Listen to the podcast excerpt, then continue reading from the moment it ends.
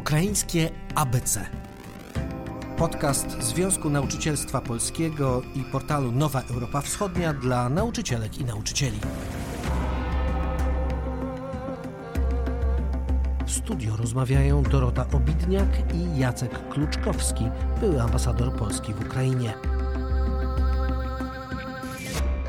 Mam takie wrażenie, że wkraczamy w takie niebezpieczne rejony, właśnie takich mocno uwewnętrznionych mitologii tych naszych poszczególnych krajów. To znaczy, y, jeśli się jedzie na Litwę i się odkrywa, że y, ci polscy bohaterowie, to oni mówią, nie, nie, no przecież on jest Litwinem, prawda? Jaki tam kołątaj, no, no przepraszam bardzo, jaki to Polak. W istocie to, o czym mówiliśmy do tej pory, wskazywałoby na to, że y, Rusini na obszarze, zwłaszcza na obszarze dzisiejszej Ukrainy, oni dojrzeli w wieku XVI, w pierwszej połowie XVII do tego, żeby być równorzędnymi partnerami i Polaków, i Litwinów w tym wspólnym państwie. Oni oczekiwali, że zaproponowany im zostanie taki uczciwy wariant państwa trzech narodów. Ponieważ do tego nie doszło, no to takie tendencje separatystyczne, tendencje do usamodzielnienia się, co jest absolutnie przeczy rosyjskiej z kolei tradycji. Tam państwo jest wszystkim.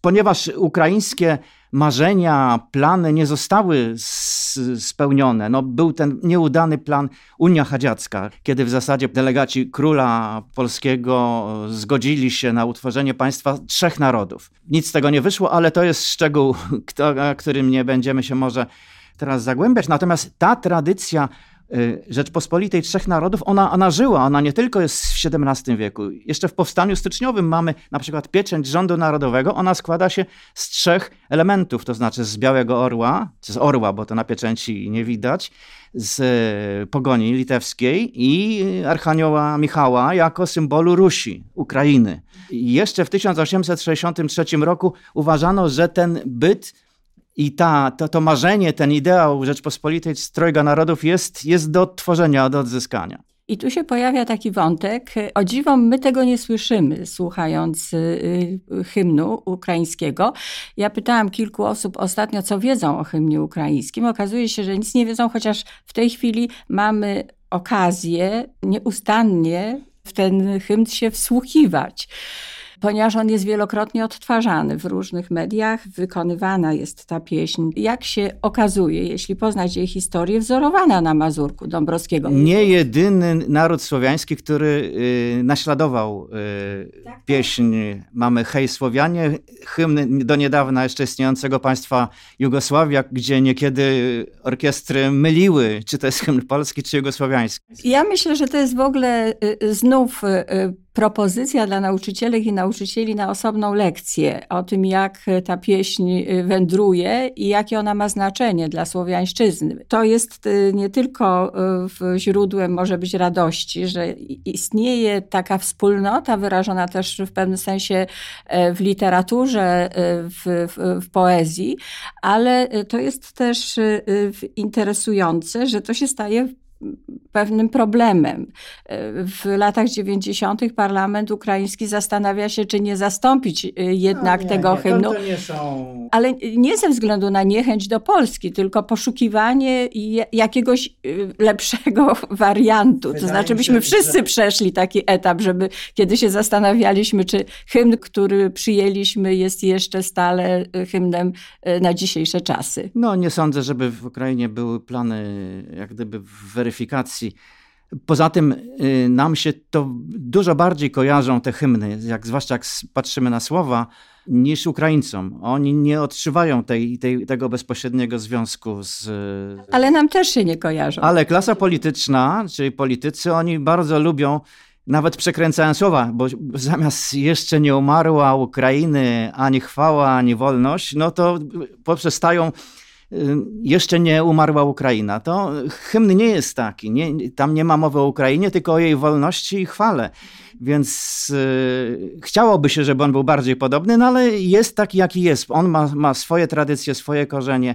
Ta inspiracja bez wątpienia Mazurkiem Dąbrowskiego jest To występuje u wielu narodów słowiańskich. Ta fascynacja polską walką o niepodległość w XIX wieku. No ale pozostańmy jeszcze na chwilę y, przy literaturze, y, bo ty wspomniałeś ten moment, kiedy się rodzi ta koncepcja Unii Trzech Narodów i tam pojawia się taka postać niezwykła, Mazepy y, i to jest bohater, który zainspirował Puszkina, Słowackiego, Bajrona, Igo, Szewczenkę, Brechta i List i Czajkowski też stworzyli kompozycję na, na cześć tego bohatera. Okazuje się, że nawet ten poczciwy Jan Chryzostom Pasek y, y, nie oszczędzał Mazepy, bo się na jego temat mocno wyzłośliwiał, a my go oczywiście znamy, Paska, y, starsze pokolenie seniorów, tylko i wyłącznie z opowieści o Wydrze, bo to była nasza lektura obowiązkowa, mniej z tych jego historyczno-politycznych wątków w pamiętnikach.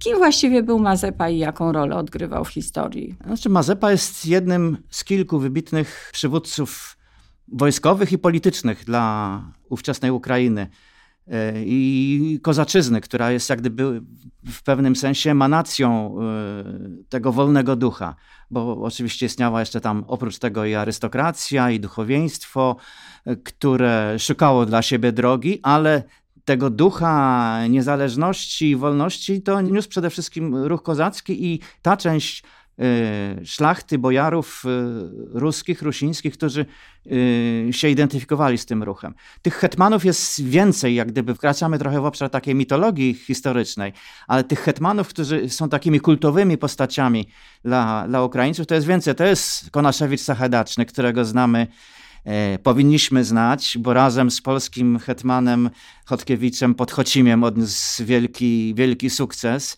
Był razem z Polakami w Moskwie, co zamykano, ale w czasie wielkiej smuty na początku XVII wieku to, to wojska kozackie głównie odgrywały tą rolę pięści zbrojnej, która między innymi zajmowała Krem, oblegała Smoleńsk i tak dalej. No oczywiście Bogdan Chmielnicki to jest postać taka bezdyskusyjna, chociaż generalnie się mu wyrzuca to, że zamiast kluczyć czy budować niezależną Ukrainę, zdecydował się na Unię z Rosją w Peresławiu, która w jego wyobrażeniu i elit ówczesnych kozackich no miała być taką jak Unia z Polską, to znaczy, że są szanowane prawa szlachty, byśmy nazwali się prawa obywatelskie. Bez wątpienia to legło cieniem, bo moskiewscy bojarowie, wysłannicy i sami carowie w ogóle nie rozumieli o co chodzi. Potem jest rzeczywiście Mazepa. Mazepa jest znany no, nie z tego swojej młodości romansowej różnych przygód, ale jako człowiek, który y, no, stworzył taki, on był wielojęzyczny, wielokulturowy. On w Kijowie jest jakby takim ojcem, protektorem baroka ukraińskiego, kijowskiego z drugiej połowy XVII wieku. W zasadzie kozacy wtedy de facto jak gdyby byli podlegli oczywiście Rosji, Moskwie, ale sprawowali taką kontrolę. To było quasi niezależne państwo, jednak te posiadłości kozackie na terenie przede wszystkim lewobrzeżnej Ukrainy. To jest właśnie, z czym się Mazepa kojarzy, to właśnie ze szkolnictwem, e, z e, nauką języków obcych, z, e, z taką westernizacją. Druga połowa XVII wieku to jest właśnie taki, taki proces przejmowania szybko i intensywnie kultury zachodniej. To, że oni byli prawosławni, ortodoksyjni, antykatolicy, nie oznaczało, że oni odrzucali y, wtedy Zachód. Więc, więc Mazepa no, i człowiek, który próbował stworzyć niezależną Ukrainę w sojuszu z królem szwedzkim i sułtanem tureckim i, i, i przegrał, no to też jest elementem jego dziedzictwa. Przede wszystkim jednak się go pamięta jako mecenasa kultury, człowieka, który zbudował taką nowoczesną, modernizującą się Ukrainę, którą Rosjanie następnie zniszczyli. On i jego następcy, bo to nie, nie można zamykać, bo jeszcze przez jakiś czas to quasi niepodległe czy półautonomiczne państwo, czy, czy quasi państwo ukraińskie, ono jeszcze istniało. Wywierało wpływ na życie ludności, co zresztą warto podkreślić, że w Ukrainie tej podporządkowanej kozakom nie było aż tak okrutnej pańszczyzny jak na terenach Moskwy, Rosji, że ta granica między, między ziemiami kozackimi a ziemiami należącymi bezpośrednio do cara to nie była często różnica etniczna, tylko różnica między wolnością a niewolą. A niewola, pańszczyzna w Rosji to było de facto niewolnictwo. Więc ta różnica, ona, ona trwała potem przez pokolenia. Tu jest Ukraina Słobocka, a tu są już ziemie wielkoruskie, czyli de facto ziemie niewolnicze. W podcaście udział wzięli Dorota Obidniak, koordynatorka do spraw współpracy międzynarodowej i projektów edukacyjnych w Zarządzie Głównym Związku Nauczycielstwa Polskiego, członkini Europejskiego Komitetu Związków Zawodowych Oświaty i Nauki i Jacek Kluczkowski, historyk, dziennikarz, dyplomata, były ambasador Polski w Ukrainie, Kazachstanie i Kirgistanie. Szczególne podziękowania za wsparcie projektu dla polskiego przedstawicielstwa Fundacji imienia Friedricha Eberta. Realizacja Free Range Productions.